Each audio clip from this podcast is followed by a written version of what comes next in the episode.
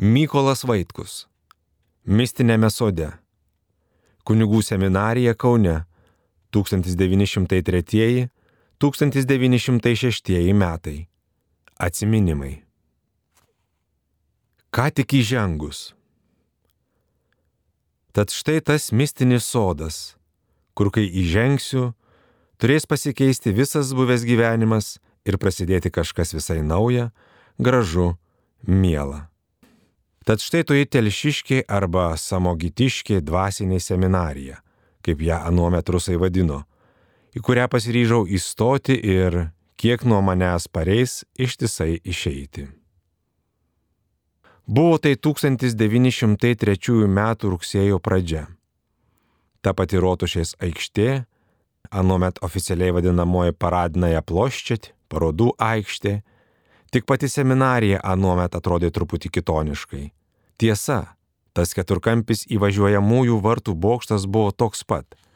Betgi iš abiejų jo šalių dar nebuvo to gražaus trijų aukštų namo - Maironio bei Penkausko darbas, kuriame tilpo bažnytinis muziejus, rektorių būstas ir kanceliarijos bei svečių kambariai.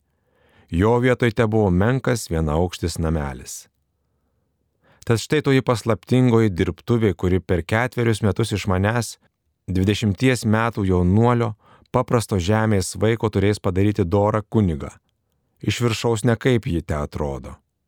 Didokas kiemas, akmenukais grįstas, platokas žvyruotas kelelis bėga tiesiai į dviaukštį baltom sienom, raudonų čerpinių stogų namą neaukštais langais, dešiniai besirementi į senyvą raudonų plytų gotinę bažnyčią. Tai seminarijos bažnyčia, viena seniausių visoje Lietuvoje.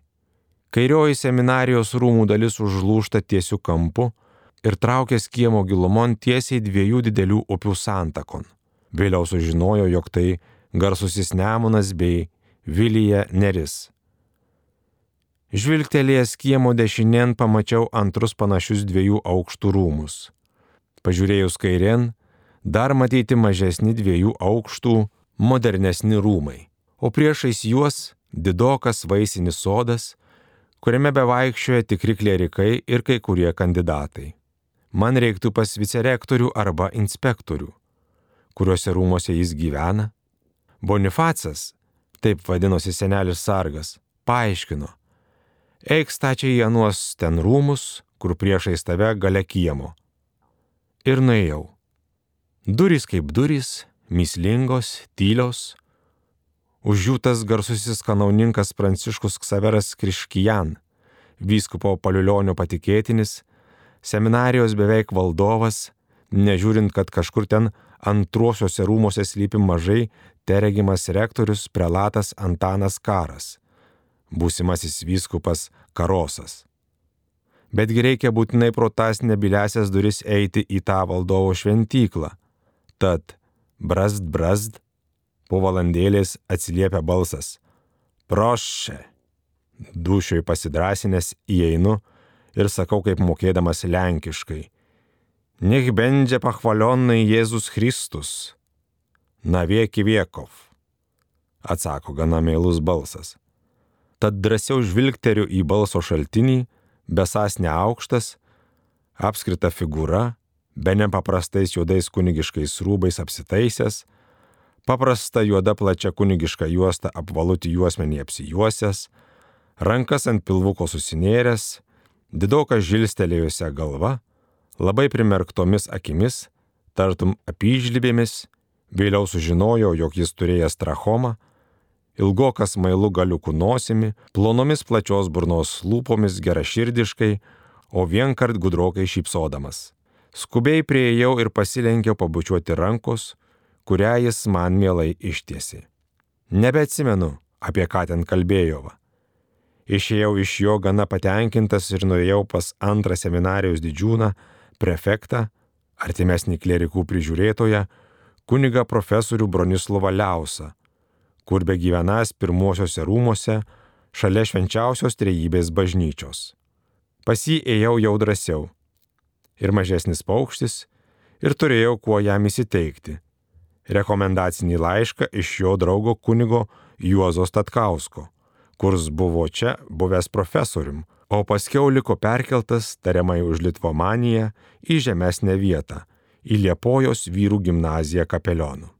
Nedrasus tuksenimas, kažkas panašu į prošę, ištartas sultingų baritonų, įžengiau, beregint pasirodė ir baritono savininkas, baritoniško tipo vyras, gana aukštas, gana apskritas, didelę galvą, juodais garbiniuotais į šalį sušukuotais plaukais, apvaliu veidu, labai taisyklingu, tiesiog gražiu, tamsia oda, didelėmis tamsiomis akimis, truputį išvirtusiomis, bet gražiomis, lūpos sultingos, apatiniai kiek išsikišusi, jų pjūvis elegantiškas.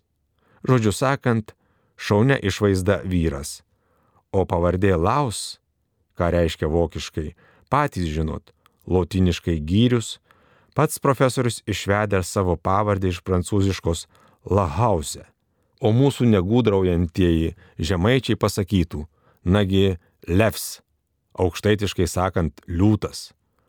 Kaip mokėdamas maldingai pasisveikinau lenkiškai, jis atsakė gražiai varšavietiškai, šneka nebuvo ilga.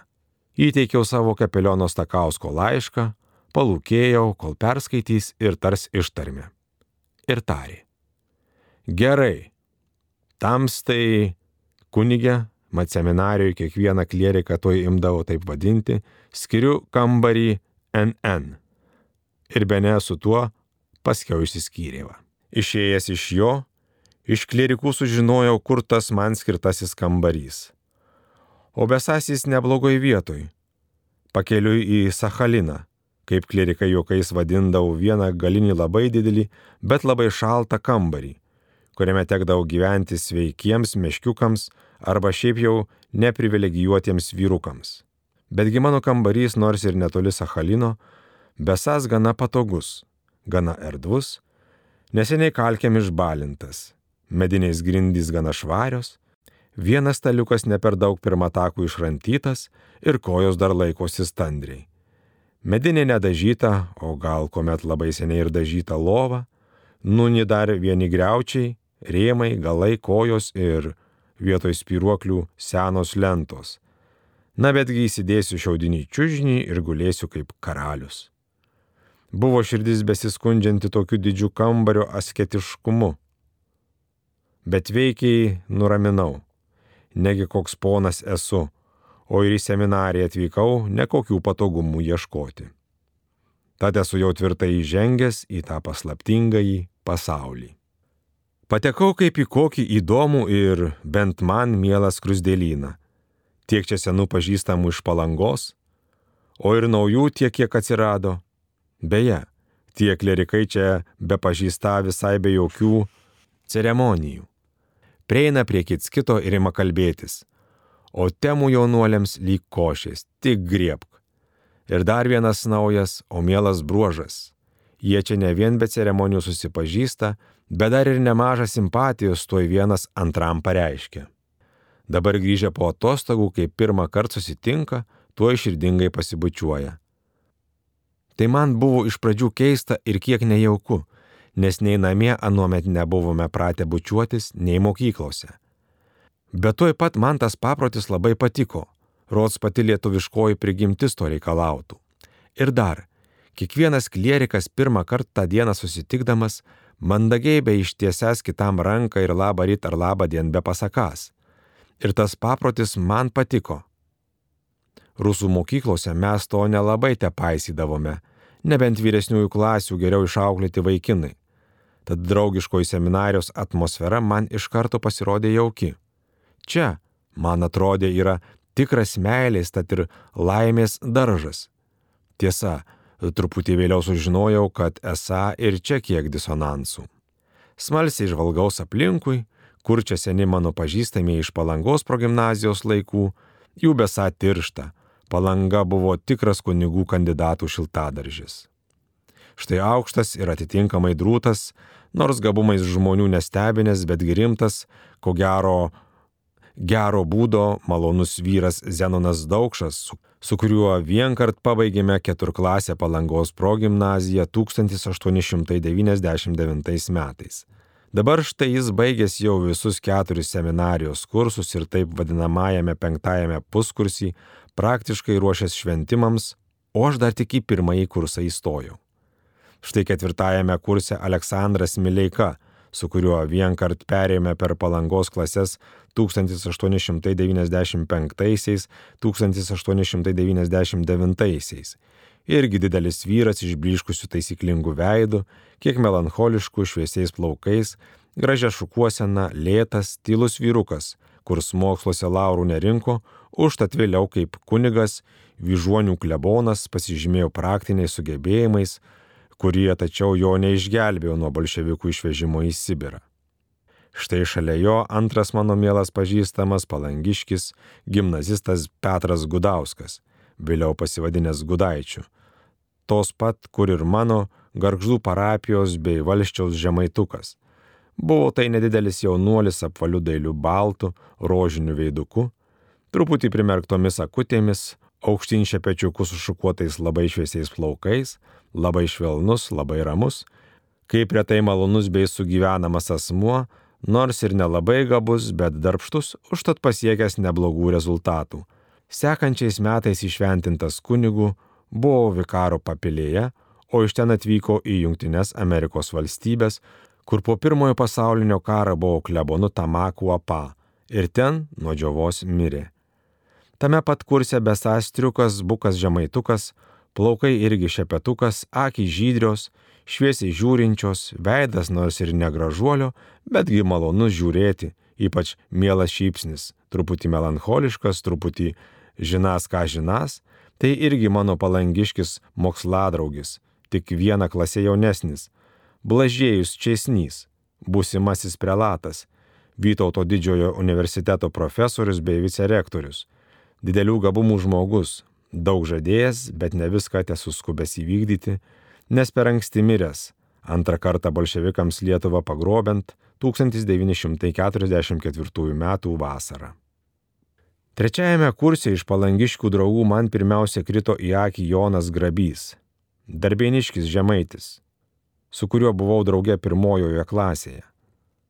Tas stambus, bliškių veidu, retai šviesiais plaukais, blankiai žydriomis akimis, stiprus, narsus vyrukas, rimtas ir doras, bet nedavatkinas, mėgstas ir linksmai pažaisti ir nuoširdžiai tenorų padainuoti, pusėtinai gabus, bet sąžiningai darbštus, tad pasiekęs moksle neblogų išdavų.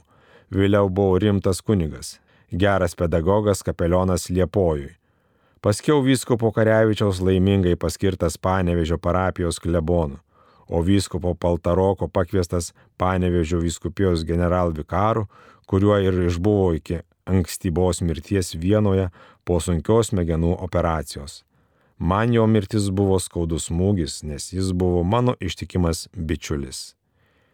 Kreipiu akis į antrą man malonų palangiškį mokslo draugą irgi žemaituką, tiesą pasakius ištisą stambų žemaitį, tik už mane klase dviejais metais jaunesnį, stiprų, lyg iš žmolio nudreptą vyruką, mažutėmis akutėmis, šviesiai žiūrinčiomis, kaimišku, bet gana dailiu apvaliu veidu, visuomet pasiryžusiomis plačiai, nuoširdžiai nusišypsoti lūpomis, nors ir ne iš sakalų veislės, betgi sveikai gabus, galys be galo intensyviai pasidarbuoti ir aukštokai moksle pakilti, betgi mėgstas ir patinginiauti, nors ir ne tiek, kad tai pakenktų garbingai jo padėčiai klasiai ar kursė. Jis baigė seminariją, paskui Peterburgo dvasinę akademiją, bet nesišventino, nes kažin kuri pusiau mitologinė, pusiau tikrovinė nastutė jam į širdį įsiskverbė. Tas vyras nusivilko su tona, didelėmis pastangomis baigė gimnaziją ir juridinį fakultetą Peterburgė ir paskui advokatavo Lietuvoje, o vieną kartą veikė visuomeniškai ir politiškai kaip vienas pažangos, o vėliau tautininkų šulų. Pagaliau Kaune karininko Okuličio Kazarino nušautas, susibaręs su šiuo bekortuodamas tai Liudas Noreika. Antrajame kurse irgi besama palangiškių pažįstamų, kurįgi pirmą paminėsi, jei ne savo parapijietį gargždiškį Antaną Šveistrį. Tokį stambiai iš medžio išrestą ko ne ketvirtainišką vyruką, tipiškų žemaičio kaimiečio veidu, nors ir negražuolio, betgi maloniu, išmintingu, kiek rauplėtų, šviesiai žydriomis akimis, tirštai šviesiais plaukais, susitikus beveik visuomet mandagiai šypsantį, bet pro tą šypsnį kažkaip gaisuoja gudrus pamušalas. Tai vaikinas gabus, nors ir neprasikišas, protingas, praktiškas, didelis patriotas, be nesu sugebančia rašyti plunksną.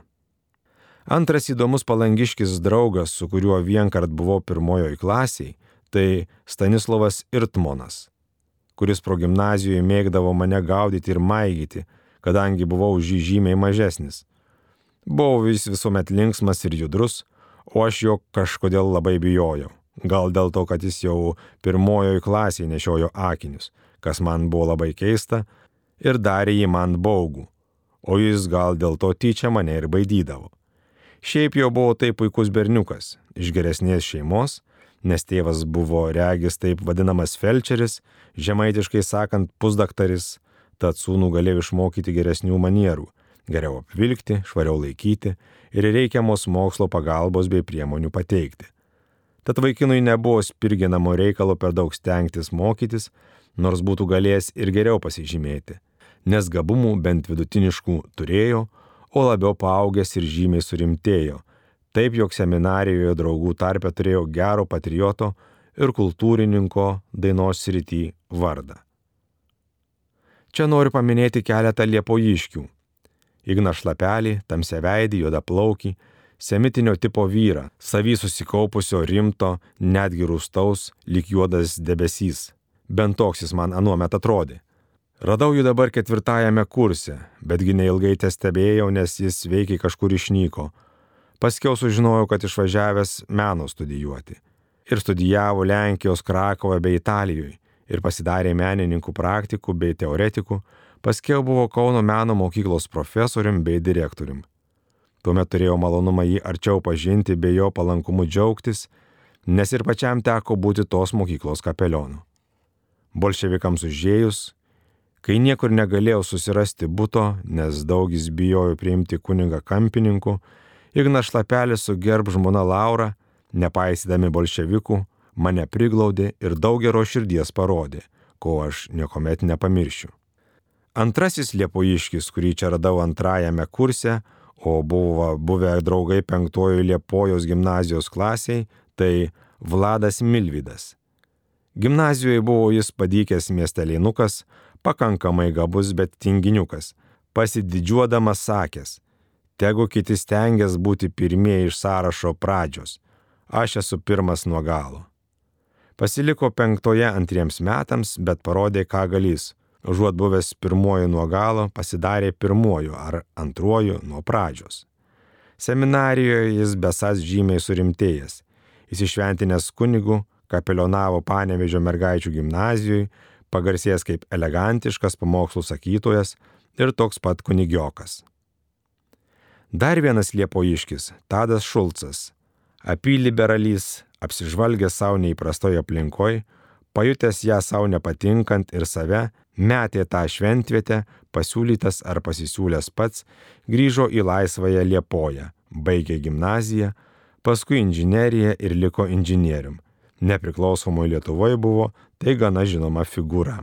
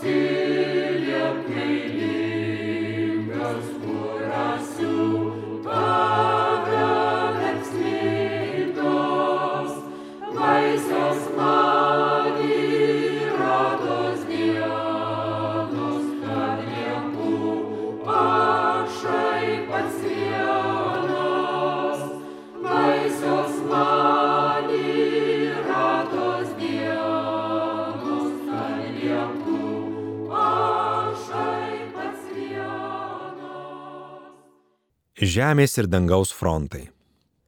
Į pirmąjį kursą 1903 metais įstojome 45 jaunuoliai, kuo ne iš visų Lietuvos kampelių.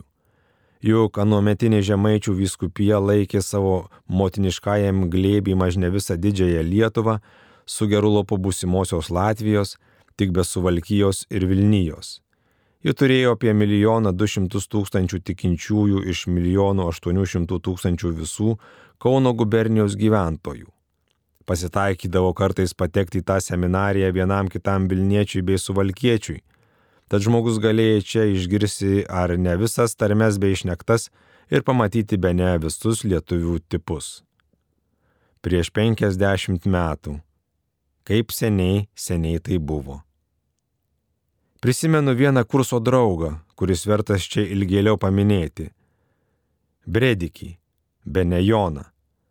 Buvo tai nemažo ūgio, gana plačiais pečiais, kiek įtraukta galva vaikinas, švarutis, rimtų veidų, vos jaučiamai šviesiai besišypsas, lyg kokiai tolimai svajoniai, nelinkęs lengvai susibičiuliauti, pasiplepėti, paaiždykauti, bent taip atrodė iš šalies įstebint.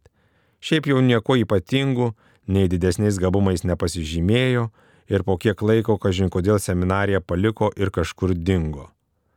Tik nepriklausomai Lietuvoje be pamačiau jį, jau baigusi užsieniuose aukštus juridinius, politinius, valstybinius mokslus, be nesu daktaro laipsnių, kaip tai kai kurie žmonės savo gabumus ne iš pat pradžios pareiškia. Ir aukštai pakopus į mūsų valstybės aparate užsienio reikalų ministerijoje. Ypačiai margomis spalvomis užvitravo nepriklausomoje Lietuvoje antras kurso draugas Juozas Purickis. Vidutinio ūgio nejudrus, uždaras, atsargiai kalbas, bet kažkaip išgverusiai tai lyg pateikdamas ką ir tuoj čia pat lyg ir vėl paneigdamas, jis man trejus metus esant seminarijoje nieko ypatingų nepasižymėjo, nebent tik vieną kartą rizikingų bizneliu, o gabumais neblizgėjo. Pabaigęs seminariją, nežinau kaip pateko į Peterburgo dvasinę akademiją, čia jau gabumai ėmė bręsti ir ryškiau rodytis Gavęs magistro laipsnį teologijoje, išvyko papildyti mokslų į Šveicarijos Friburgą, kur ypač atsidėjo istorijai ir parašė gana įdomų veikaliuką apie protestantizmą Lietuvoje. Vyskupas Karevičius buvo be paskirias į profesorium į kunigų seminariją, nežinodamas, jog Purickio draugai vienkart mokėsi Friburgė jau buvo pastebėję kai kurių jo pažiūrų keistumą. Betgi užėjo pirmasis pasaulinis karas ėmė kurtis Lietuvos valstybė ir Purickis perėjo į politiką, agituodamas už Uracho rinkimą Lietuvos karalium. Susiorganizavus krikščionių demokratų partijai, Purickis į ją įstojo ir buvo išrinktas atstovu įsteigiamą į Seimą, liko kurį laiką užsienio reikalų ministru, įsivėlė į Sakharino bylą, bet laimingai išplaukė pasistatęs Vytauto kalne didelę, negražią vilą, bet su gražiu žvilgiu Kauno link, vedė gana gražią ukrainietę ar žydaitę ir ramiai darbavos gabę publicistinę plunksną, įsigijęs skaitytojose gerbėjų ir nelauktai dar nesenas be triukšmo mirė. Kaip gyva jį regiu bekalbant įsteigiamajame Seime amnestijos klausimu, kuris buvo kraštai diskutuojamas krikščionių demokratų su opozicija. Pirmieji prieš plačią amnestiją, antrieji už. Ir štai krikščionis demokratas Purickis sensacingai pareiškė. Taip snaudulingai, lyg nenoromis kalbėdamas, tartum savo po nosim, akis žemė nuleidęs, sardoniškai šypsodamas. Man rodos, gal reiktų suteikti plačią amnestiją. Čia jo partijos draugai sumišė į jį sužiūro, o socialistai ėmė karštai ploti. Jis pasilaukė, kol ovacijos aptilo ir toliau porina. O vis tik gal nereiktų tokios amnestijos suteikti. Čia krikščionys ėmė džiugiai ploti, o socialistai nustebę dairos. O Purickis patenkintas stovi ir aviniškai vypso, pats puikiai žinodamasis, ką daras. Vadinas gražus burelis įstojome tais metais į kunigų atžalyną. Pridėjus kitų kursų skaičius susidarė be ne apie 130 klerikų, tad daugiau nei seniau būdavo rusų vyriausybės leidžiama. Tai busimieji katalikų bažnyčios Lietuvoje kadrai, ateityje sudarysintieji rinktinę įtakingą jėgą. Kol kas tie jaunuoliai nei patys to neįsivaizduoja. Įdomu, kurie platesnės bei gilesnės reikšmės klausimai pirmoji eilė jų dvasia neramina. Čia kol kas nekalbėsim apie pagrindinės klerikų dvasios problemas, santykius su Dievu, sielos tobulėjimą, pašaukimo klausimą. Tie klausimai anų laikų klerikui buvo rūščiai gyvi ir giliai svarbus bet apie juos būdavo su kits kitu kalbama vien artimesnių draugų tarpe intimioj valandoj, kada dvasia savaime pasitikimai prasiveria ir dvi būtybės kaip vienas pražįsta amžinosios saulės akivaizdoj. Tokių valandų lietuvis jaunuolis trokšta ir susilaukia ir jas giliai brangina, tad ne bet kur, bet kada ir su bet kuo apie jas kalba. Pirmoji idėjinė bei idealistinė banga, kuri pat pirmąją dieną priešais mane iškilo, užliejo ir pagavus be ceremonijos su savim nusinešė, buvo tai gyva tėvynės meilė. Žinoma, ir pirmiau mylėjau savo kraštą, žmonės, kalbą, labiau nei kitų šalių. Bet Liepojus gimnazijoje, kur susimaišę mokėmės su latviais, lenkais, vokiečiais, rusais, žydais, mes lietuviukai ir sugyvendavome neblogiausiai Mūsų tėvynės meilė nedegė audringai bei kovingai ir neturėjome tokio gyvo reikalo gintis, kovoti, agituoti. Kai man gargždiškiai klerikai Gudauskis bei Šveistrys pasakojo apie jų ten kovą seminarijoje, aš savo mąstydavau. O aš nesikarščiuosiu. Visi man bus mėly draugai ir aš su jais taikiai gyvensiu. Bet jau pačią pirmąją dieną mano nusistatymas kažkaip nejučiomis visai pakitėjo. Užteko, kad keletas draugų papasakojo lik šventą konspiracinę paslaptį, kaip čia du frontai - lietuviškasis su lenkiškuoju, žud būtinai kovoja, kaip mums reikia nugalėti ir mes nugalėsime ir kaip kiekvienam paduriam lietuviui būtinai reikia apsispręsti, su savaisiais eis ar su svetimaisiais. Ir aš tuo ryžaus ir jiems pateigiau. Taip, žinoma, draugė kovosim su savo tautos priešais. Ir buvo man aišku, bei gera. Žinoma, čia daug svėrė ir paprastas jaunuolio mėginimas samokslo, riziko. O juk jaunam dar taip imponuoja įsijungti į didelį veikimą vien kart su, su augusiais veikėjais. Bet stipriai veikė be abejo ir kiekvienam įgimta tėvynės meilė.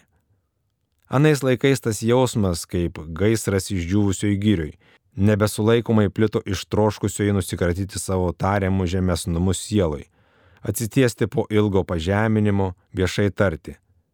Ir mes esame ne bet kas.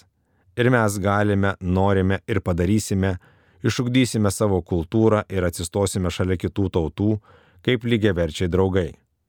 Visa tai buvo tokia nauja, tokia gražu, kaip žavėte žavėjo.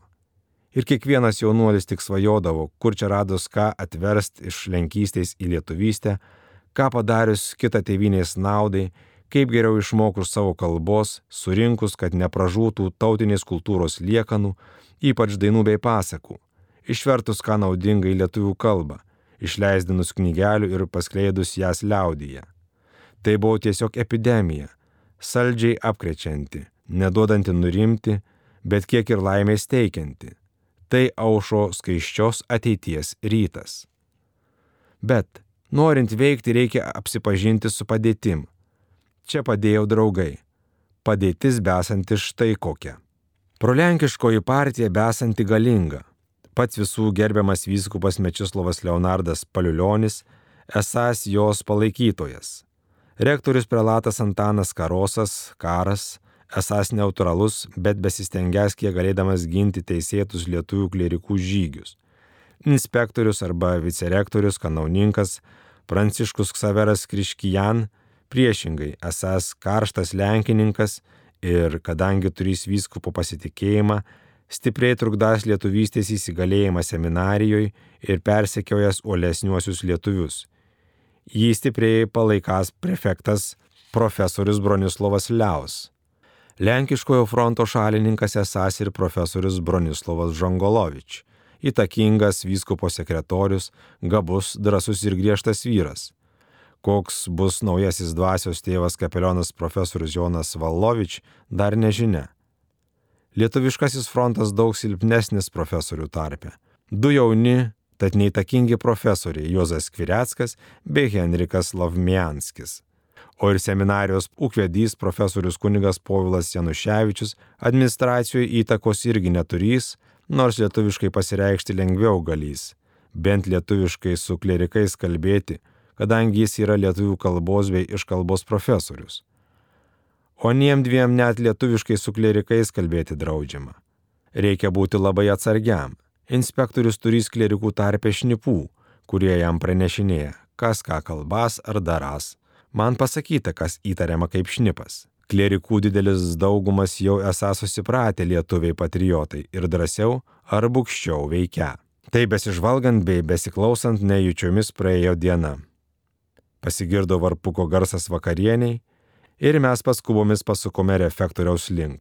Tai didelė salė, lietuviškojo gotikos kliautais, labai kukliai išdažyta, su labai paprastais mediniais stalais, neuždangstytais ir ilgais mediniais suolais, stipriais, kad išlaikytų susėdusi eilę sveikų vyrukų.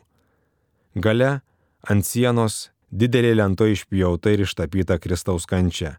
Kryžius, ant kurio kabo labai naturalistiškas, labai iškankintas mirštas išganytojas. Visi jį atsikreipę, sustoja laukiame. Kapelionas kalba rimtai vienuoliškas maldas prieš valgį. Mes gana padoriai atsakinėjame. Pabaigę maldas skubiai sėdame ir nekantriai laukiame, kadangi sveika jaunystė laiku išalksta ir tai ne juokais. Keturi tai savaitėj paskirti klerikai bėga prie Adaro į virtuvę lango ir pagavę iš ten paduodamus didelius apvalius su ilgoka rankena padėklus, skubiai nešioja garuojančias lėkštes. Kas ten? kankolinė ar košė, ar kitskas. Netaip jau svarbu, tik duokit, tuoj sudorosim. O tuo tarpu girdėti iš pulpito vieno klieriko monotoniškas balsas. Jis skaito dvasinį skaitymą. Šį tą girdime, šis tas širdį palieka, kai tuo pat laiku uoliai darbuojamės dantimis bei liežuviais. Ištušti negautasias lėkštės geriame arbatą su juoda duonele. Paprasti tai valgiai, bet pradžioj čia viskas tokia nauja, tokia įdomu, jog ir tas valgis netrodo dar grasus, ypač kad turime atsivežę iš savo mamyčių ar sesučių neblogų daiktelių.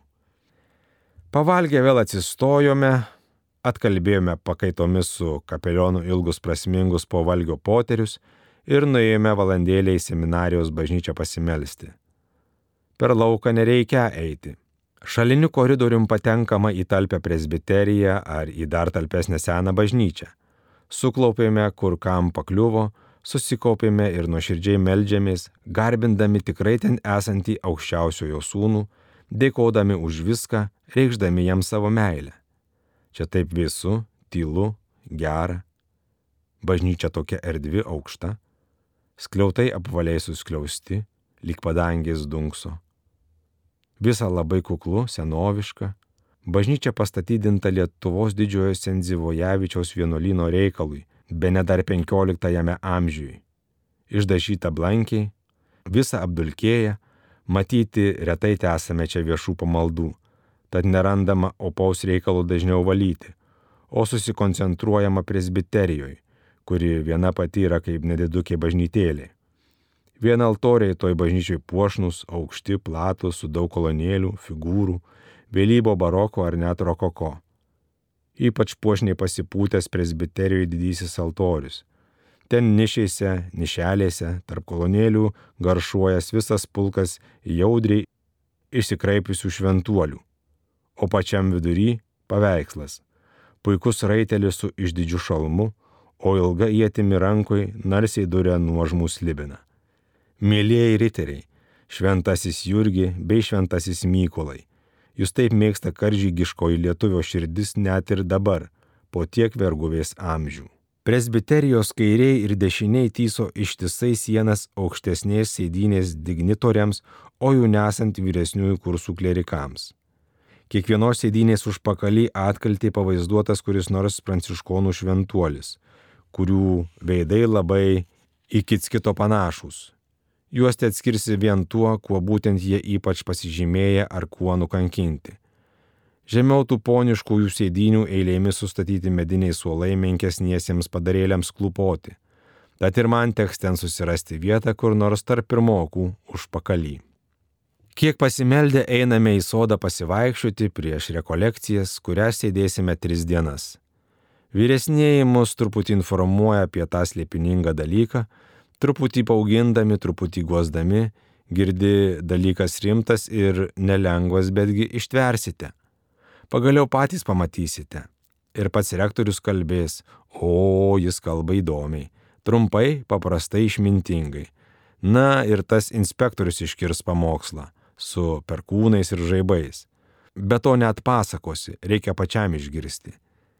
Ir kurie nors profesoriai sakys konferencijas, tos paprastai esti dailiausios. Žinoma, privarksite, bet niekis, visi ištveriame ir jūs ištversit. Tai nelabai ramina, bet kągi, kas turi ateiti, ateis, o ir praeis. Bet nebelieka laiko būkštavimams, štai varpukai jau kviečia į aulę. Tai labai ilga, neplati ir neaukšta patalpa, lygi pusės išilgai pristatyta suolų. Į pat aną galą turėti naujokai, o šiame gale arčiau prie durų susėda senokai. Atsisėdau pačiam paskutiniais eilės gale prie pat sienos ir smalsiai žvalgaus. Galutiniai sienui kabo dideliausias paveikslas - kopija vengrų tapytojo Munkaščio Kristus priešais pilotą kitose sienose ilga eilė bažnyčios tėvų paveikslų. Priešais mus toj sienoj, kur dideli langai į kiemą, vidury gelsva katedra paskaitininkams. Viršui kryžius su nukryžiuotoju. Iš vienos pusės didžiojo popiežiaus Leono XIII tą vasarą mirusiojo atvaizdas, iš antrosios ką tik išrinktojo šventojo tėvo Pijaus X paveikslas. Ateina naujasis kapelionas išbliškusiu pilnu veidu, stambia figūra, galva kiek į pečius įtraukęs, akiniuotas, paskui jį kiti profesoriai ir administracija.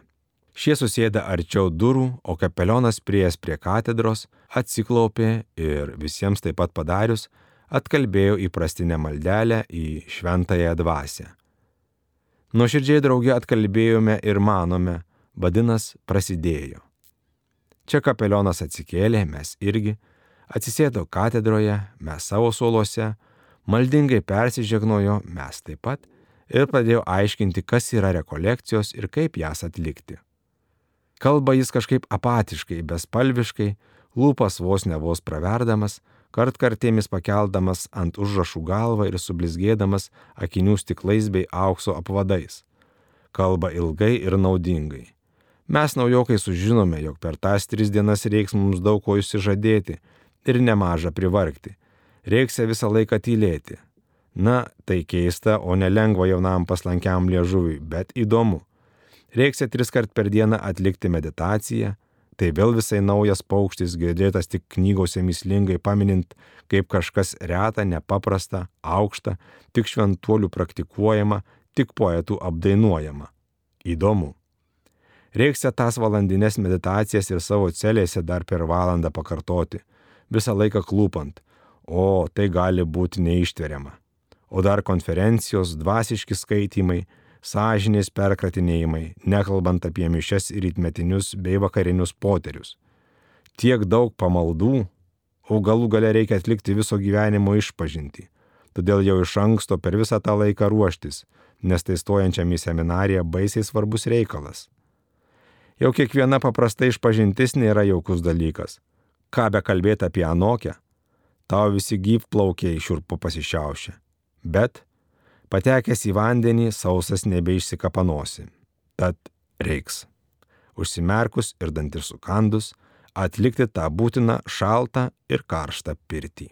Kapelionas pabaigė, klopės ant laipto ir mes suklaupėme. Kažkur ne per toli durų pasigirdo susijaudinęs klieriko balsas, pradedąs kalbėti vakarinės maldas, kur reikiant mes nuoširdžiai jam atsakinėjame. Pabaigus, kapelionas vėl sėdas, skaito ir aiškina trumpai punktus tos meditacijos, kurią turėsime ryto rytą permedituoti. Liepia prieš gulti eisiant dar tuos punktus prisiminti ir, sukalbėjęs Jėzus tybisit gloriją bei Marija Mater Gracija, kukliai išeina iš aulės. Juos seka seminarijos valdovai, o ir mes nelaukiame, kad kas mus varytų. Susikaupę, tyliai einame namo.